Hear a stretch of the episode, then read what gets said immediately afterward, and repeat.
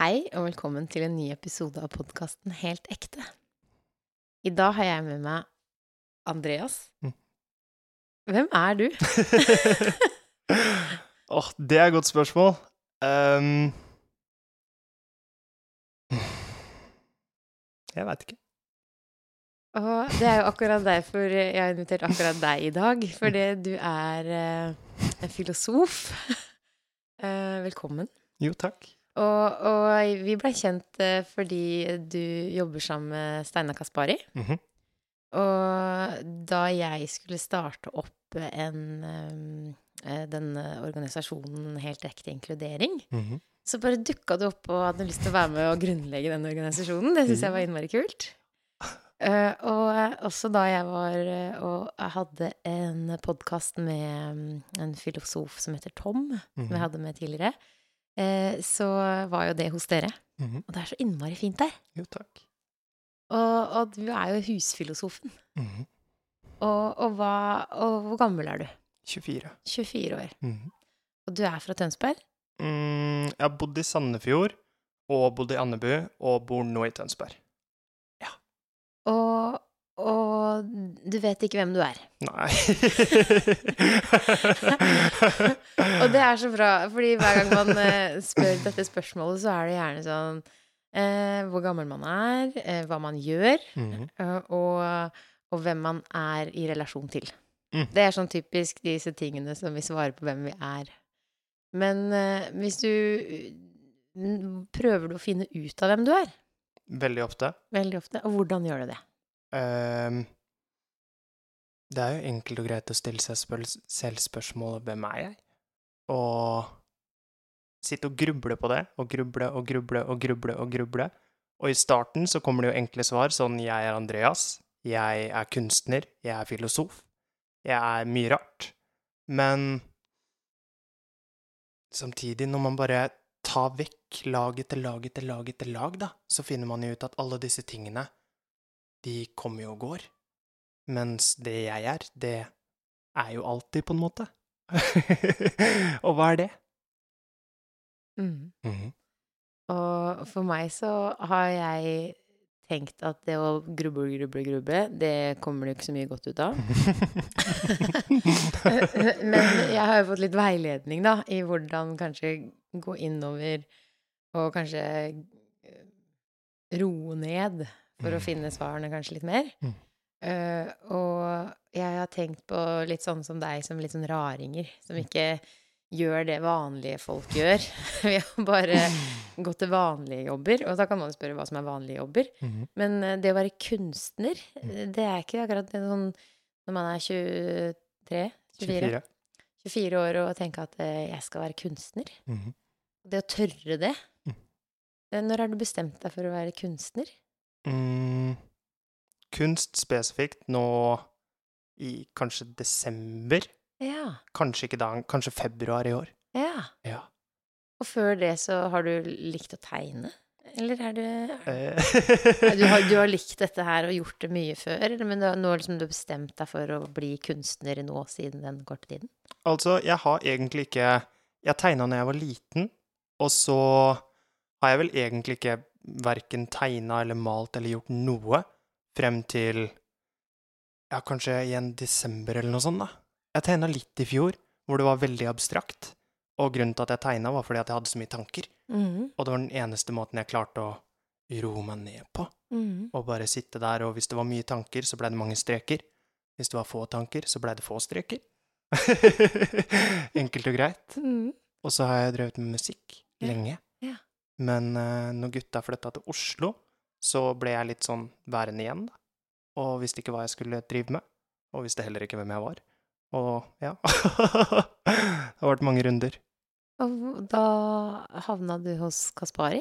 Jeg gjorde det. Eh, Hvordan ble du kjent med han? Det var vel uh, gjennom en som heter Nina, som veldig kort i en samtale nevnte at vi hadde en kunstner i Tønsberg som heter Steinar Kaspari. Og så var jeg vel bare innom der. Jeg ville bare sjekke litt sånn, ja, hvordan er du lever av det her, hva er mulighetene, ikke sant? Og så, ja, en gang ble til to, to til tre, tre til fire, og så, nå er vi her, da. Ja. Ja. Men uh, da du har gått på skole, regner jeg med. Uh, og hvordan var det for deg? Mm. Det var både bra og Ja, det var mixed bag, for å være helt ærlig. Um, jeg falt Eller jeg fant vel Jo, på videregående så fant jeg vel litt plassen min, men jeg opplevde ofte at jeg ikke nødvendigvis hadde samme verdier som andre, og var ikke nødvendigvis så fascinert av det i overflaten. Jeg var ganske ofte på dypet, og søkte vel egentlig bare mennesker jeg kunne være på dypet med, og bare reflektere, finne ut av ting, være litt deprimert. For det er man jo, liksom. ja. Ah, men, men det å tenke på verdier når man er liten, eh, hva eh, Tenkte du tidlig på det, eller Nå vet vi at verdier er verdier, men, men når er det du kjente at det du hadde inni deg, og det du brydde deg om, var litt annerledes enn det de som skrapa på overflaten, eller bare var på overflaten? Når er det du kjente det først? Mm, det var vel Ja, kanskje sterkest på ungdomsskolen, kanskje. Mm, Da bytta jeg skole, mm, fordi jeg fant ikke plassen min. mm, Men samtidig så tror jeg det bare er et speil at jeg ikke Jeg hadde ikke plassen min her. mm, Jeg var for mye tanker. Jeg hadde ikke ja, søkt i kroppen, da. mm, Og jeg kan jo ikke finne noen andre steder enn innvendig. mm. For det som jeg er veldig opptatt av hva som skjer på skolen, og Mm. der eh, er det jo gjerne fokus på å være Man får jo beskjed om at man skal være enkeltindivid, Mm. men gruppa er jo på en måte viktigst. Mm. Læringsmiljøet er jo viktigst. Eh, og hvis man i tillegg sliter litt med tanker som ikke klarer å Hvordan var det å holde fokus på det læreren sa, for eksempel? Mm, det gikk greit, for så vidt. Mm. Jeg hadde vel egentlig Jeg sleit vel mest med at jeg genuint egentlig ikke var så interessert. Mm. Så det var veldig mange dager med veldig mye greier jeg ikke skjønte Jeg skjønte aldri hvorfor jeg gikk på skolen. Nei. Du skjønte ikke poenget? Nei, Nei. helt ærlig. Mm. Og, og da, på ungdomsskolen så bytta du skole, men begynte du å Var det noe du likte, da? Likte du Hva var det du likte mest på skolen? Uh, det er gym. Gym. Gym. Det fysiske. Ja. Så du er ikke bare tanker? Nei, nei, nei, nei. nei. Du er glad i å bevege deg òg? Definitivt. Ja. Ja. Og, og det der med å gå videre og kjenne innover. Var det på ungdomsskolen, og så på videregående, så fant du Men, men har- når alle tenker på videregående når man skal velge seg en utdanning, Mm. har du blitt spurt om det? Ja. Hva er det du tenker om utdanning, og, og så vil jo kanskje noen si at ja, det er ikke noe trygt å kunne leve av kunst, det er liksom urealistisk. Har Mm. du møtt den noen gang? ja mm, Ikke så mye. Nei? Jeg opplever at i den nyere tiden nå så er vel folk mer og mer åpne for at man kan leve av omtrentlig hva som helst. Ja. Og prøver vel også å omringe meg med folk som også tenker sånn, da. For det har mye å si. ja. Ja. Det tror jeg har veldig mye å si. Ja. og det å omgås folk som eh, er litt interessert i det samme som deg, Mm. og se muligheter i det du ser, Mm. og se det fine i det forskjellige. mhm. Eh, jeg husker da vi ble kjent første gangen, så kom du med en sånn Vi snakka jo om inkludering og forskjellighet, og da kom du med det regnbueflagget og den kledde deg. Eh, hva betyr det for deg? Kjærlighet. Enkelt og greit. Mm. Og jeg tenker jo på eh, sånn som Det har jo vært en ganske stor debatt om eh, regnbueflagget i det siste. Spesielt den måneden som var eh, da det var pride. Mm. Og så tenker jeg at det blir så eh, Den debatten som er om man skal flagge eller ikke flagge, om folk skal kle seg eller ikke kle seg. Og så tenker jeg, kan ikke folk bare velge selv hva Mm. de velger å flagge med? og, og jeg også For, for meg som eh, er eh, Har aldri hatt uh, noen følelse av noe unormal legning. Mens for meg så er pride en sånn ting som bare er kjærlighet til eh, mennesker. Mm. Og, og det er nå i, dag så kjemper vi for homofili, som er en sånn eh, stuerein eh, gren å være annerledes i, og det Mhm. kan hates også, men, men det er liksom helt innafor å være det. Så er det så mange andre grupperinger som ikke kjempes for. Mm. Så tenker jeg, kan vi ikke bare slutte å putte folk i grupperinger og bokser? og så, så bare kle oss i det der deilige flagget. Og så la, la folk være folk. Ja! Er du enig? Veldig enig. Og jeg har jo sett uh, Hva er det du maler? Jeg syns du maler mye av det her, jeg. Ja. Ja. Og når du skal male, hva, hvordan begynner det? Oi. um, jeg har egentlig ingen aning. Det er vel Jeg tror den enkleste måten jeg kan si det på, er vel at det stemmer fra ingenting. Og jeg tømmer ofte det meste før jeg på en måte starter. Fordi når det er tomt, så er det også plass for noe nytt. Og så kommer jo bare ting ut fra gudene vet hvor. Hvor kommer tanker fra, liksom? Og, og, og musikken, lagde du egen musikk da du Vi var band. Dere var band? Mm. Spilte dere coverlåter? Spilte dere egen musikk? Egen musikk. Og var det, kom det på samme måten? Ja. Da bare var dere gutta? Mm. Lagde det sammen? Mhm. Er det Og det er sånn som eh, jeg aldri skjønte. Jeg tenkte Jeg tenkte da jeg var liten Jeg kunne godt tenke meg å drive med både musikk og kunst og alt det, men jeg, jeg skjønte ikke helt uh, hva, hvor man skulle begynne. Hva Mm. man skulle synge, hva man skulle tegne. Mm. Jeg har alltid blitt fortalt hva jeg skal gjøre. Mhm. Og så har jeg sett rundt meg og sett etter hva er det folk vil at jeg skal tegne? Mm. Hva er det folk vil at jeg skal Så klarer man ikke helt å finne innover og lage ting sjøl, da. Mhm. Mens det der med kreativitet, det er jo ikke kanskje alltid at man tenker at man er så kreativ. Mm. Har du alltid tenkt at du er kreativ? Mm, jeg, nå, kanskje ikke alltid, men nå i det siste i hvert fall, så tenker jeg at vi alle har omtrentlig likt potensial til å tappe inn i hva nå enn kreativitet er. Du må bare ha teknikkene til å ja, for eksempel tørre å kjede deg, da.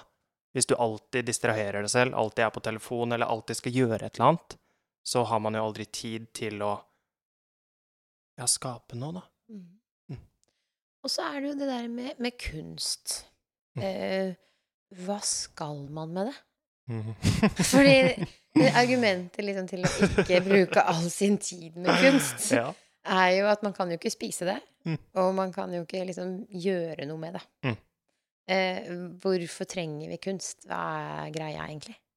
Jeg tror kunstnere setter vel eh, tiden man er i, på spissen ganske ofte.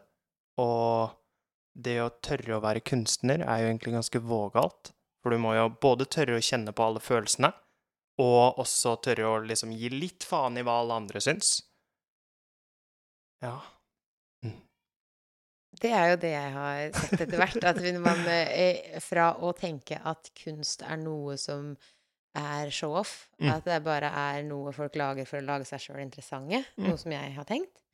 Eh, og så at de som skjønner kunst og hva som er kult, Mm. de har liksom innafor en sånt miljø som ikke jeg er i. Mm. Og så eh, Og så er det jo ikke noe viktigere enn å posisjonere seg. Mm. Det er liksom funksjonen til kunst tidligere i mitt hode. Mm.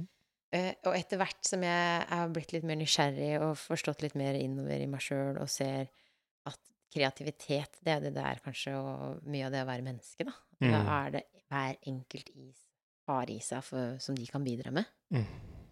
Så, så tror jeg at det, de som virkelig kjenner etter, kan ta pulsen på tiden vi lever i, sånn som du Mm. sier. Mm.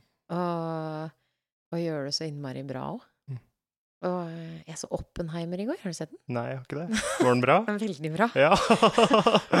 og det igjen med Han var jo fysiker, men Mhm. det øh, var jo bare så innmari Han var så Så jo liksom tiden på en helt annen måte enn folk rundt. Mm. Uh, og de som også forteller og formidler historien, og klarer å uh, både vise tiden han levde i, men også vise tiden vi lever i i dag. At det liksom alt Mm. henger sammen.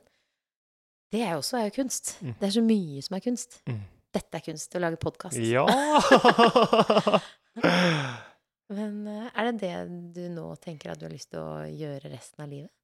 det Ingen aning. Nei. Ingen aning. Det er nå. Det er gøy. Ja, det er nå det er gøy. Ja. Jeg visste jo ikke at jeg skulle være kunstner for et halvt år siden. Nei. Eh, Jeg visste ikke at jeg skulle være musiker før jeg plutselig var det. Jeg prøver vel egentlig bare å være så åpen som overhodet mulig. Ja. Og jeg tror nok et av mine hovedmål er nok å kunne uttrykke det du snakker om, da, individualitet, Mm. til den største graden jeg har kapasitet til å gjøre det. Så det er jo ikke nødvendigvis bare å male. Jeg elsker jo å skrive også.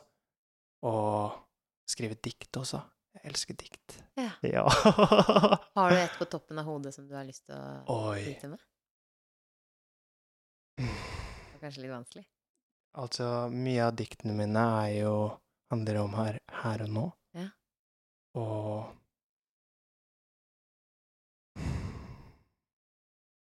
Kunsten å ta det pustet jeg nettopp tok. Og Kanskje ikke forvente noe mer, da, enn det som akkurat er, her og nå. Uten at det er noe spesifikt dikt jeg har skrevet, så er nok det essensen i det.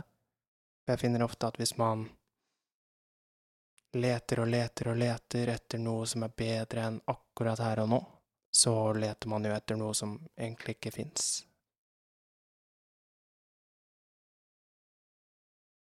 Og jeg omgås mange med store problemer.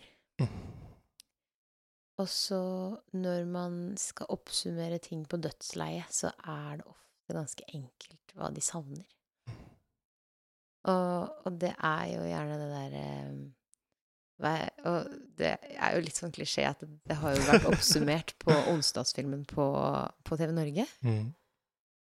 At eh, alle disse øyeblikkene som kom og gikk, ikke visste jeg at de var livet. Mm. Og det at det faktisk er så sant. Så det å puste og det å kjenne og um, Ja. Du gjør det Hvor ofte Føler du at det er meditasjon når du går inn i deg selv og kjenner og gleden av å puste? Kanskje litt. Tenker du akt, at du aktivt mediterer, eller her tenker du bare det er en del av bare det å være? Jeg tror nok mye av det jeg legger opp livet mitt etter nå, Ja. først og fremst kjærlighet. Jeg elsker kjærlighet. Men andre fremst så er det vel Jeg skriver vel for å finne nå, da. Og jeg lager vel også kunst, bare for å være nå. Ja. Dikt også. Nå. Og jeg har vel lagt opp mye av 2023 til å være så mye her og nå som overhodet mulig. Men så samtidig så ble jeg jo dratt frem og tilbake. Det er jo ikke Det er jo en dans mellom at man er i det, og så er man ute av det, og så er man i det. Men foruten den dansen, hvis ikke jeg vet at oi, nå er jeg plutselig litt ute av det, så har jeg ikke noen måte å gage når jeg først er i det heller, da. Mm. Når det bare Det fins ikke en tanke i hodet mitt. Det er ingen grunn til at jeg gjør det jeg gjør. Det skjer bare helt av seg selv. Mm. Men det å, å Gjør du alltid ting som du har lyst til? Ja. Du gjør ingenting du ikke har lyst til? Minimalt. Minimalt. Og det husker jeg da, da du Jeg spurte kan ikke du bare være sekretær, da? Ja. I, den, organisasjonen vår. og, og da var det sånn Jo, det Og så spurte du meg etterpå bare, Vet du hva, jeg har vært sekretær en gang før, og da, da var det mye forventninger der som ikke jeg helt kunne innfri. Mm. Og da følte jeg meg ikke fri. Mm. Og det har jeg tenkt så mye på, fordi jeg bare Men vet du hva? Hvis man skal ha en organisasjon i den måten organisasjoner alltid er på, så må man gjøre det på en spesiell måte. Man må levere inn alt regnskap og sånt noe. Mm. Og så tenker jeg at da må man jo gjerne levere til en viss tidsfrist og sånne ting. Og, og da tenker jeg at det er jo ikke din oppgave å være sekretær. For det er jo ikke dine interesser eller verdier eller noen ting. Og det jeg har opplevd, Mm. at det er så veldig mange som elsker å skrive grundige rapporter og ha Mm. system og, og, og skrive eh, vedtekter og ha Mm. kontroll. Det er mange som elsker det. Og da tenker jeg, men så flott, da må jeg finne en sånn person til å være sekretær. Ja. Så det å faktisk bare si at vet du hva, jeg føler meg ikke fri i den der. Mm. Eh, Og det, jeg har jo vært med i veldig mange styrer og stell og organisasjoner, og nå er jeg også en sånn eh, regionleder i Lady Circle. Oi. Og der er det eh, som er sånn um, Friendship and service er liksom hoved... Det er vennskap og omtanke, så det handler jo om kjærlighet til mennesker og se forskjellig kvalitet i forskjellige typer mennesker, da. Mm.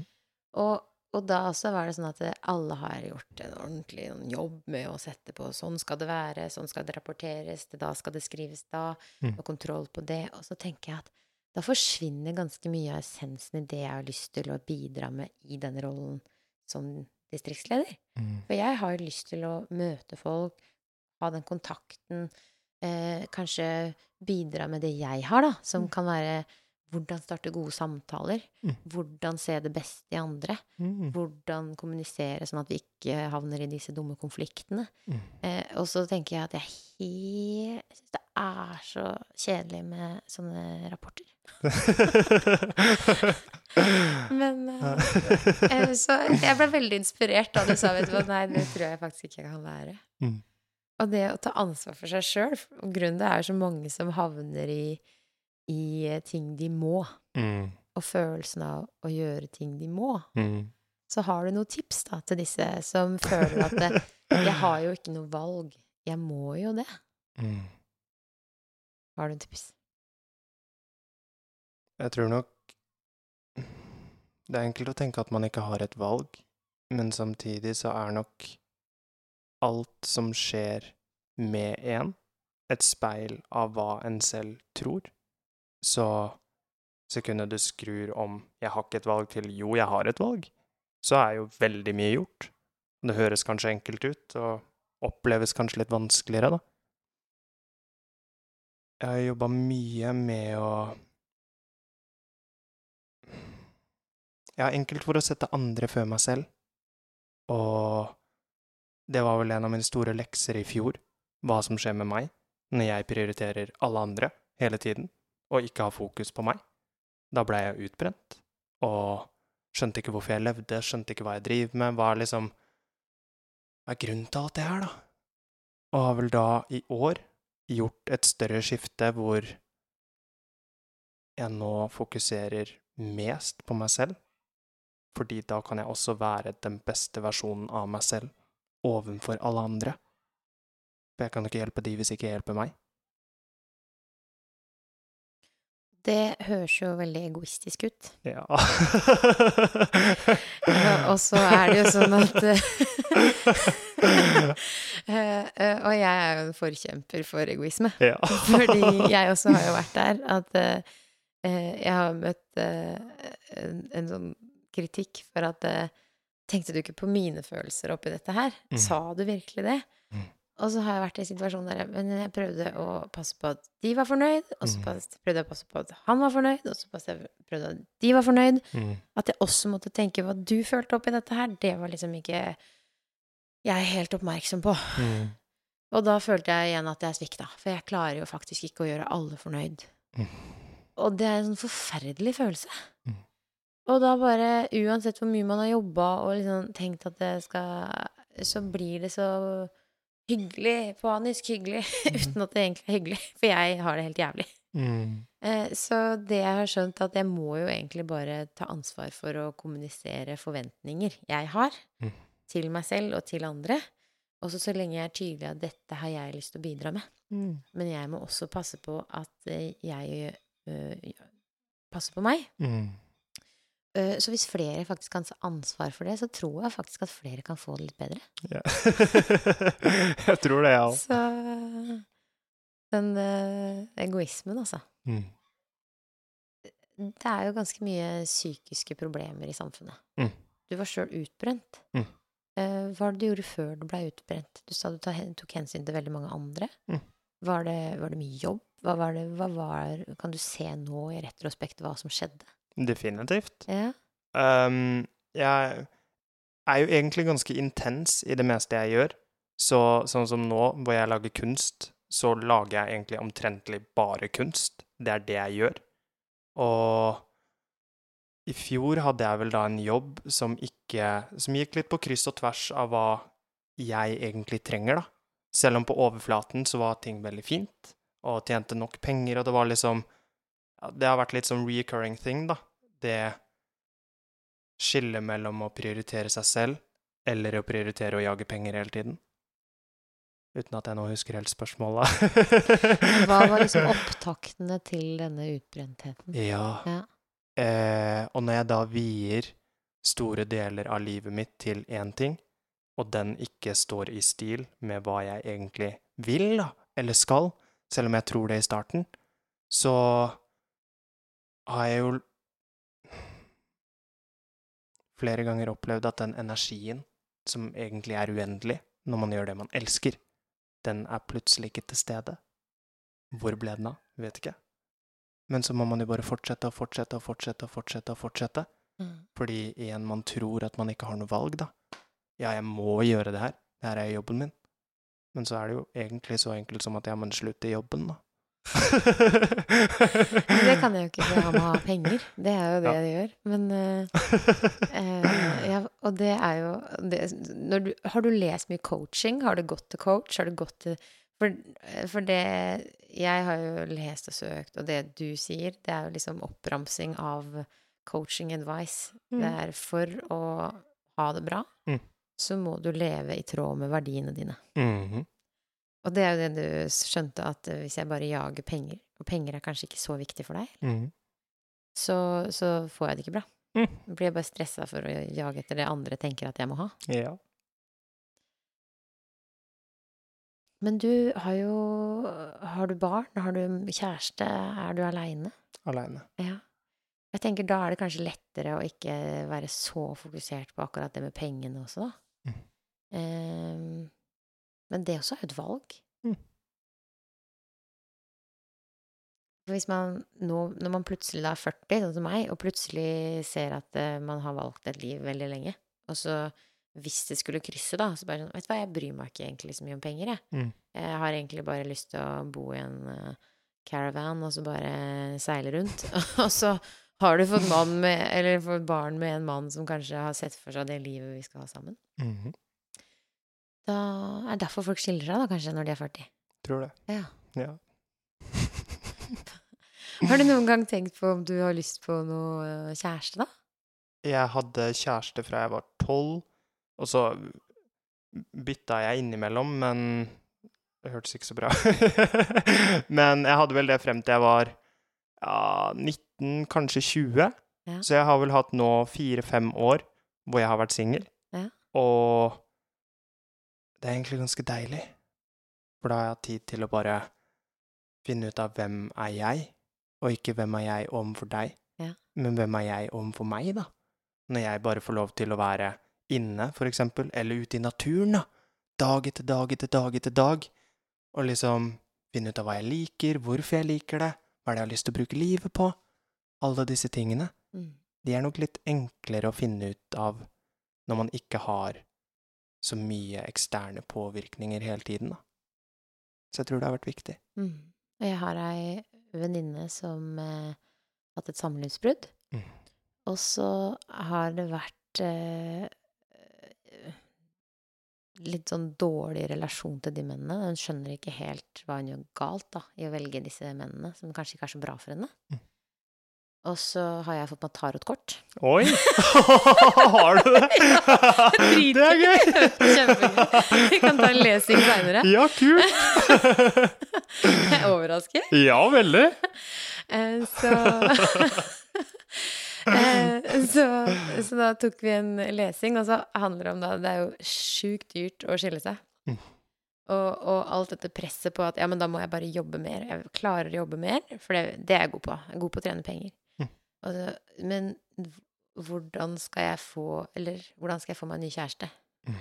Det er liksom tanken. Så tjene mer penger, få seg en ny kjæreste. Mm. Og så tenker jeg at jeg ser jo at det er disse målene du tror du må nå. Mm. og så tenker jeg at da spør vi kortene, for da er det ikke jeg som kommer med sånne besserwisser advice om at du må gå til indre ro og alt det der. Mm. Men kortene sier faktisk det samme.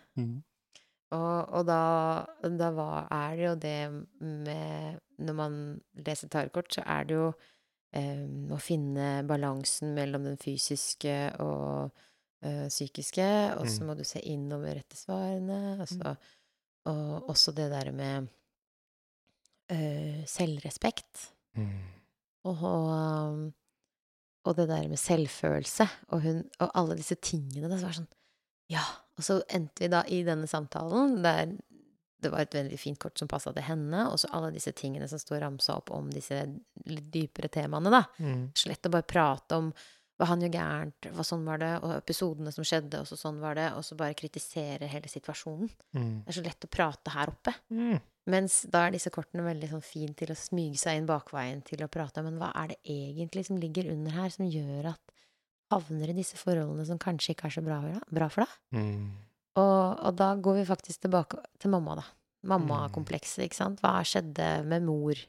Eh, Fordi eh, ja, oppveksten til foreldrene våre og hva de hadde med seg, som kanskje preger oss i en så Mm. stor grad at det gjør at vi har forventninger som vi kanskje ikke har til oss selv, men som andre har til oss. Mm.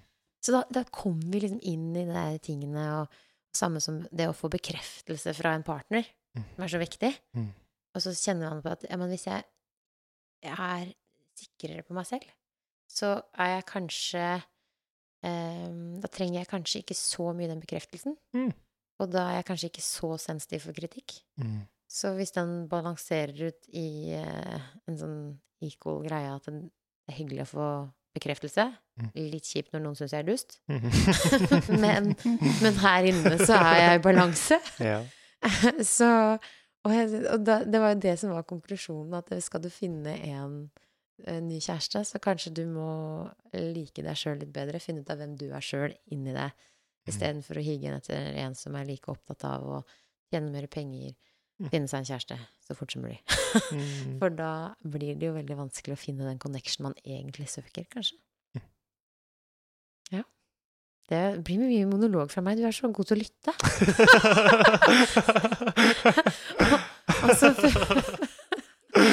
og så føler jeg at du har så enkle, gode, tydelige refleksjoner på hva som betyr noe for deg.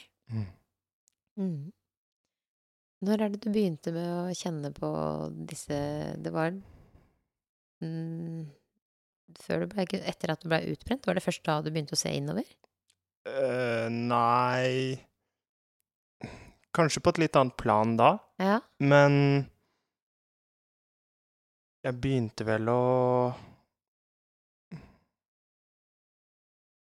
Jeg tror vel egentlig videregående var vel da jeg Jeg søkte nok ikke inn på samme måte som nå, men jeg var jo Jeg jeg var så deprimert så lenge. Og jeg fant ingen svar i noe som helst. Jeg skjønte ikke vitsen med noe som helst. Og det var bare I forenklede ord nå, da, så hvorfor går jeg på skolen for å skaffe meg en jobb? For å jobbe for et hus? For så å bo på et sted for å kunne jobbe videre i et helt liv? Hva er det egentlig Hva driver vi med her? Hva er det Hva skjer, da? Ja. Og så fant jeg jo egentlig ikke noe svar til det hos noen. Og ergo så ble jeg jo bare deprimert, for jeg skjønte jo ingenting. Ja. Jeg skjønte ingenting, liksom. Nei. Og var minimalt på skolen på ja, de tre åra. Det blei mindre og mindre og mindre og mindre og mindre. Ja. Og når man da ligger inne dag etter dag etter dag etter dag, så får man plutselig litt tid, da, Ja. til å finne ut av litt ting. Og, og det der med når du er i en sånn situasjon, øh, og du er deprimert, Mm. øh, da kan jeg regne med at det kanskje var noen reaksjoner fra foreldre Mm. øh, og skole. Mm. Hvordan opplevde du det som skjedde rundt med Da blei det kalt skolevegring, da, eller? Oi, det vet jeg ikke hva det betyr. At, at du eh, For jeg er veldig opptatt av diagnoser. Ja. Og det med at hvis man eh, skal gå på skole og ikke orker, eller ikke så orker man ikke å gå på skole, så kaller man det vegring, at man unngår skole. Mm. Mens du var deprimert, Mm. men det hadde ikke noe med direkte med skole å gjøre, det var bare hele meninga med livet som bare kollapsa, og du forsto ikke. Ja. ja. Hvordan reagerte foreldrene dine på det? Eh, mor var mye bekymra. Mm. Det var vel pappa òg, egentlig. Mm. Um, jeg tror nok fra dems perspektiv, uten at jeg egentlig vet, da, men jeg tror nok ikke det er så enkelt. Fordi uavhengig av hvilke svar de ga til meg, så fylte ikke det opp hva nå enn jeg søkte etter, da. Og jeg fant jo ut at jeg kan ikke på en måte søke svar i alle andre hele tiden, som jeg mye gjorde på den tiden. Jeg tror nok spesifikt for mamma at det var tungt å se meg gå år etter år etter år uten å på en måte komme noe vei, da. Mm. Hva er det jeg driver med, hvorfor driver jeg med det, og hvorfor kan jeg ikke bare Ikke nødvendigvis hvorfor kan jeg ikke bare være som alle andre. For Mm. mamma er veldig flink til å dyrke individualiteten, hun òg, Mm. og har alltid egentlig bare heia masse på meg. Mm. Og bare 'du finner din vei, og det her klarer vi', og liksom Mm. tilrettelagt for at jeg får all tiden i hele verden, da, Mm. til å finne ut av alle disse tinga som kanskje ikke noen bryr seg om engang, liksom. Men jeg gjør jo det, Ja. så jeg må finne ut av det. ja. Og når jeg har funnet ut av det, så havner jeg jo her jeg er nå, Ja. hvor jeg kan sitte her og liksom Jeg har ikke nødvendigvis peiling, men jeg vet i hvert fall at jeg liker det jeg gjør, da. ja. Og at jeg har fortsatt Jeg har lyst til å fortsette med det. ja. Og jeg har hatt Gyrid Bekk i denne podkasten tidligere, og Mm. hun sier jo at det, hvis det er noe du liker å gjøre, Mm. så gjør litt mer av det. Ja! Gå igjen, godt coaching advice! Altså. ja. Men, men det er jo noen ganger bare så enkelt, ja. eh, men så vanskelig. Mm. Og det å Sånn som du sa det der eh, tidligere i dag, så sa du det der med å flekke lag på lag på lag på lag for å finne ut av hvem du er. Mm. Det er jo igjen en sånn podkast av Anja Ammerseng Edin der hun snakker om en golden buddha som er tilsmussa søle og leire over mange år. Mm. Og så skraper man av alle disse lagene, Mm. og så til slutt så sitter du igjen med golden, en buddha i gull. Mm. Og, og da jeg satt og hørte på den podkasten, så satt jeg jo Stoppa med alt jeg dreiv med, og så bare lukka øynene, og så bare gråt jeg, for jeg kjente liksom innover at det, Vet du hva, jeg er faktisk eh,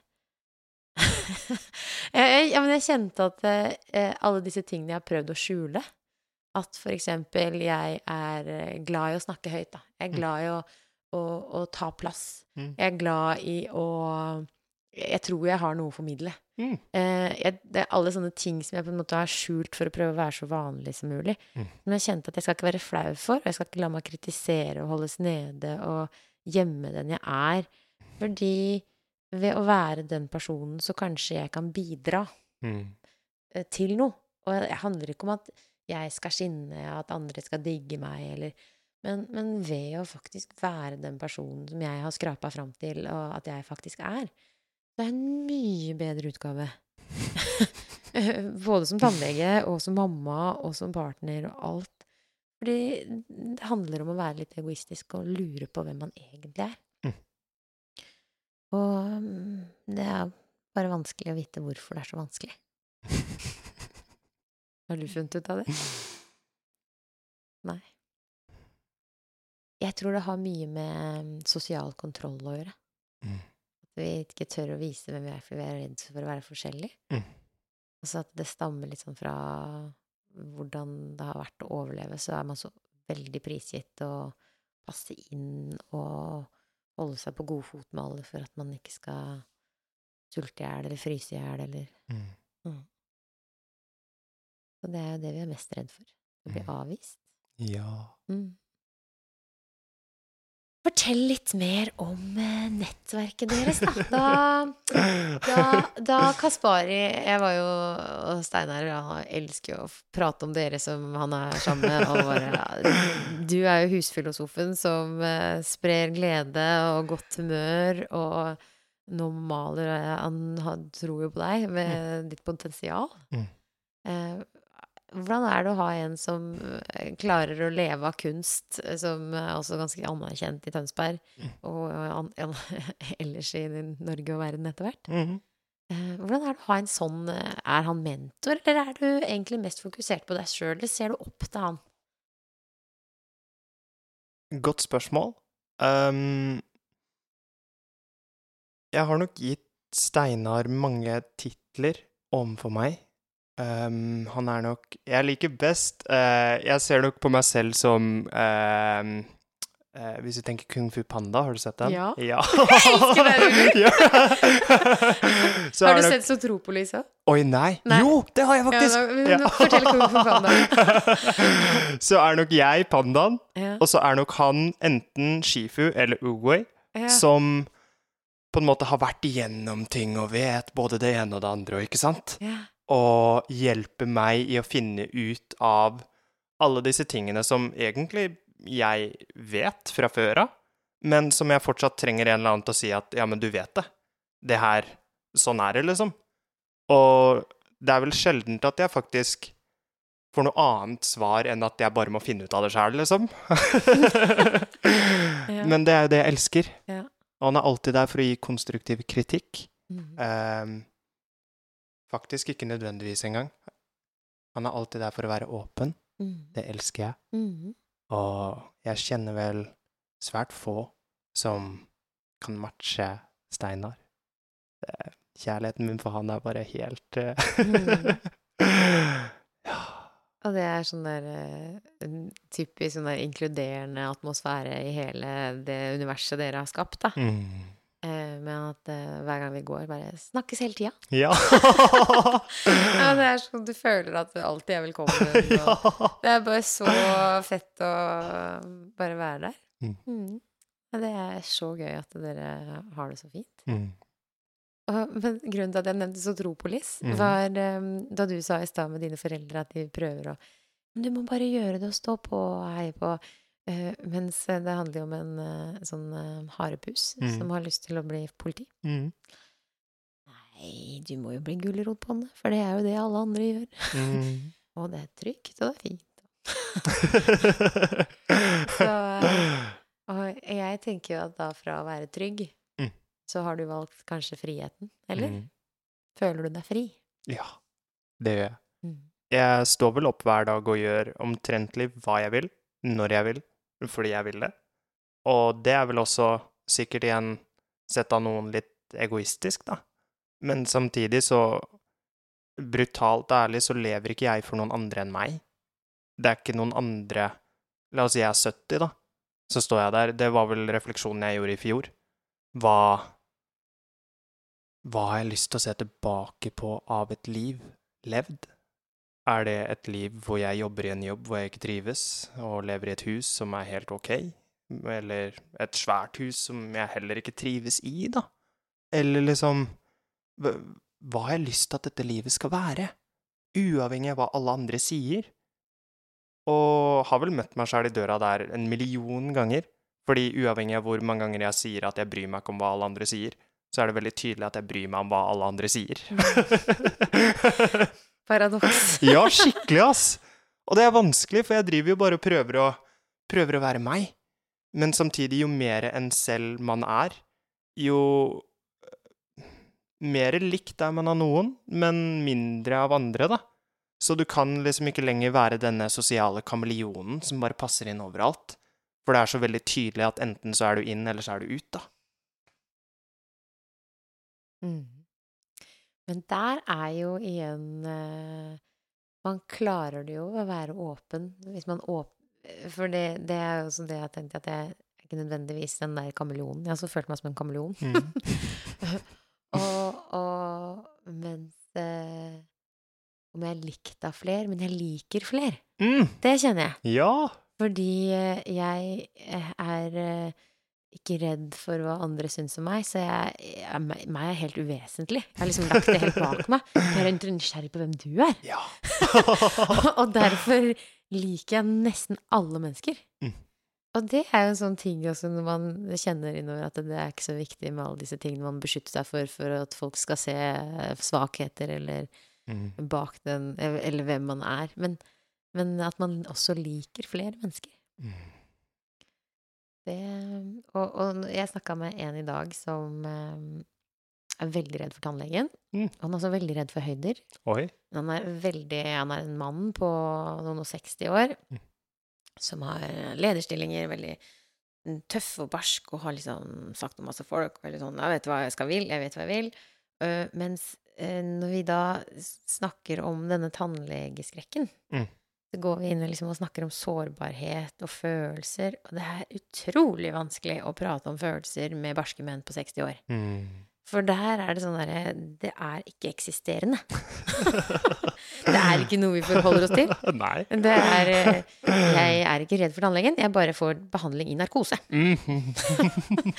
Og jeg bare forholder meg ikke til det. Mm. Så, så da og Men likevel, altså, eh, så, så spiller jeg litt sånn spørsmål til hvordan komme inn til at Jeg tror jo at disse som er redde for noe og har traumer, eh, de er jo sensitive mennesker som tar inn veldig mye, som kanskje har en større sårbarhet, og som må lage en enda større maske av barskhet rundt for å beskytte seg. Mm. Og det som var litt morsomt i dag, var at når jeg da gravde og spurte litt, så sa han at det, ja, men det er jo ingen som er sånn på innsida. Og sånn, nei, nei, alle har jo en maske. Mm. Og da, det og da var han som sa det sjøl. Mm. Og da tenkte jeg, ja, Um, men jeg, tenk, jeg drømmer jo om en verden som er maskeløs. At Mm. vi bare er de vi er på innsida. At de også kan synes på oss. Nei, det trodde han ikke på at det kunne være noe for vi For vi trengte disse vaskene. Og det var, Ja. da, da krangla jeg ikke med men, men, men, men det var veldig fint. Og så snakka vi litt sånn, tok en pause, og så hoppa jeg litt tilbake. Men, men hva om kanskje at For han mente at alle kan ikke jobbe i barnehage, eller alle kan ikke gjøre det. Men, men sånn som du sier, hva om Jeg tror at vi er så forskjellige at kanskje noen elsker å jobbe i barnehage. Mm. Kanskje noen elsker å grave i andres huer og lure på hvordan vi får det bedre, sånn som meg. Mm. Eller grave i andres tenner også, for det er kjempegøy, det òg. Men, men, eh, men det at vi liksom kjenner på at vi vil forskjellige ting, og, og gjør det fordi vi elsker det, og så føles det ikke så peste. Mm. Så nei da, der hadde vi en veldig spennende samtale. Så det er litt gøy å høre hvem, hvem er de bak disse maskene. Det har jeg begynt å grave mer i. Mm. Men du sa at du har en veldig god venn som du driver og prater med. Mm. Ja. Fortell litt om han, da.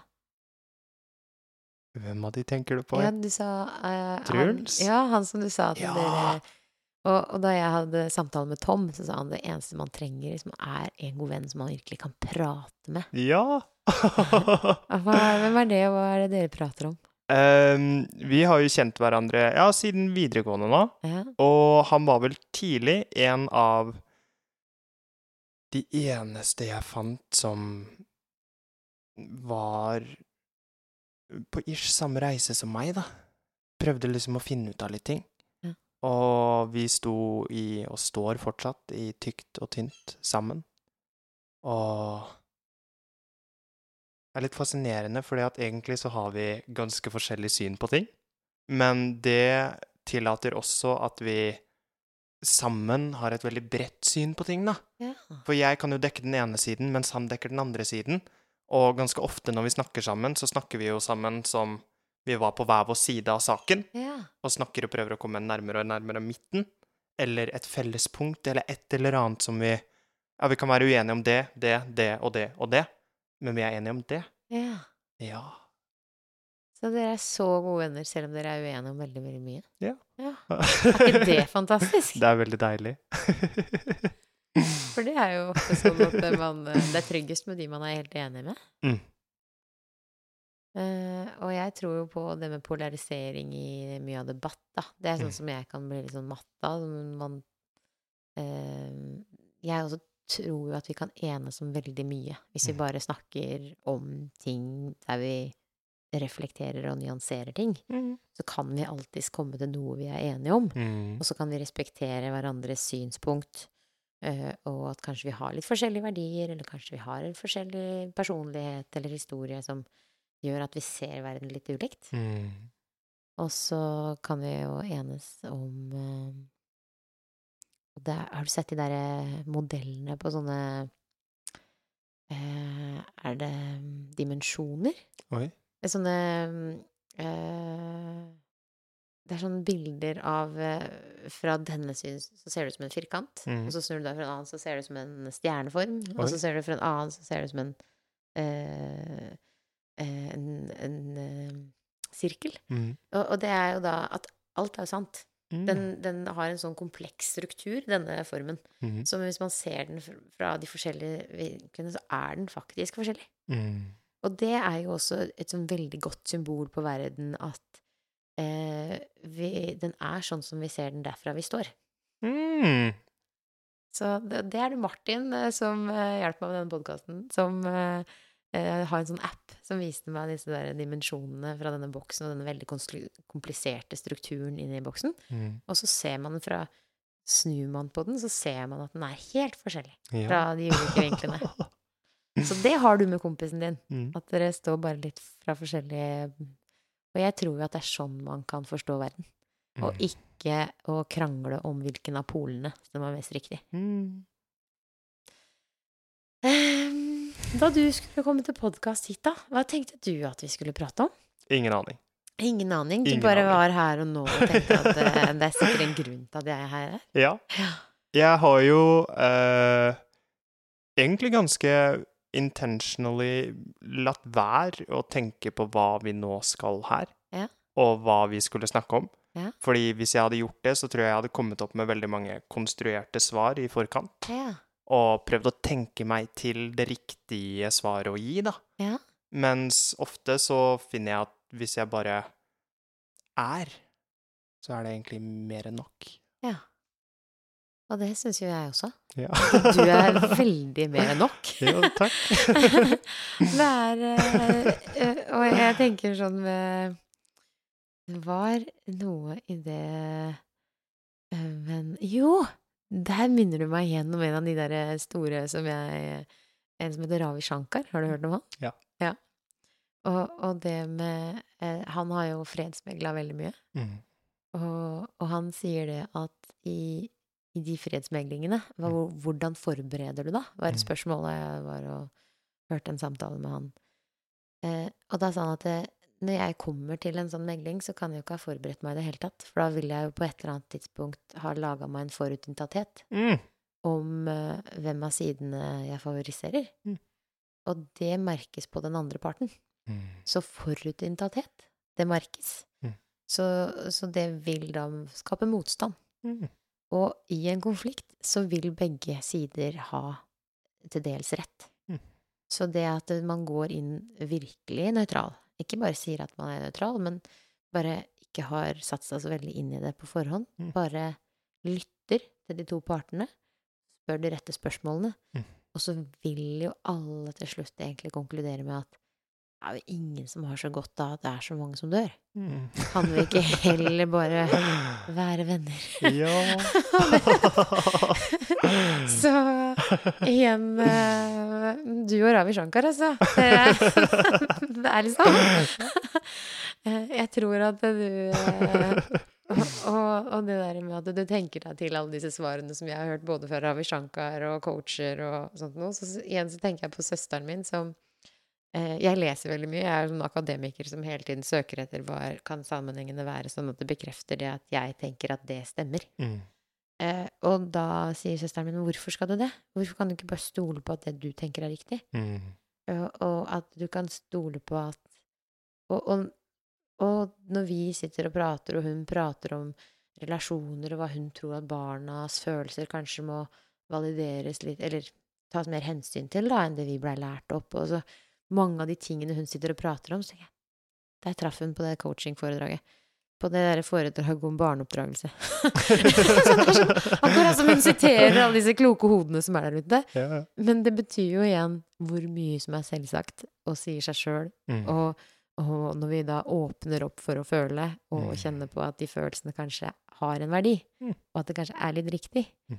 så, så Det er derfor jeg gidder å prate om det. Fordi jeg tror det er så sykt viktig. Jeg er veldig enig. Mhm. Eh, jeg tror at vi må stoppe på et eller annet tidspunkt.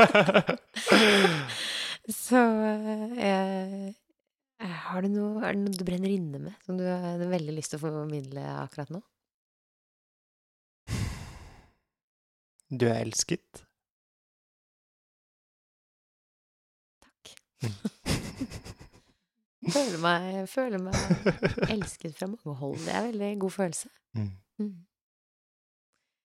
Da håper jeg at lytterne også kan eh, tenke og være takknemlige over at de også er elsket. Mm. Kanskje også kjenne på noe de er takknemlige for. Mm. Hva er du takknemlig for? Oi, livet.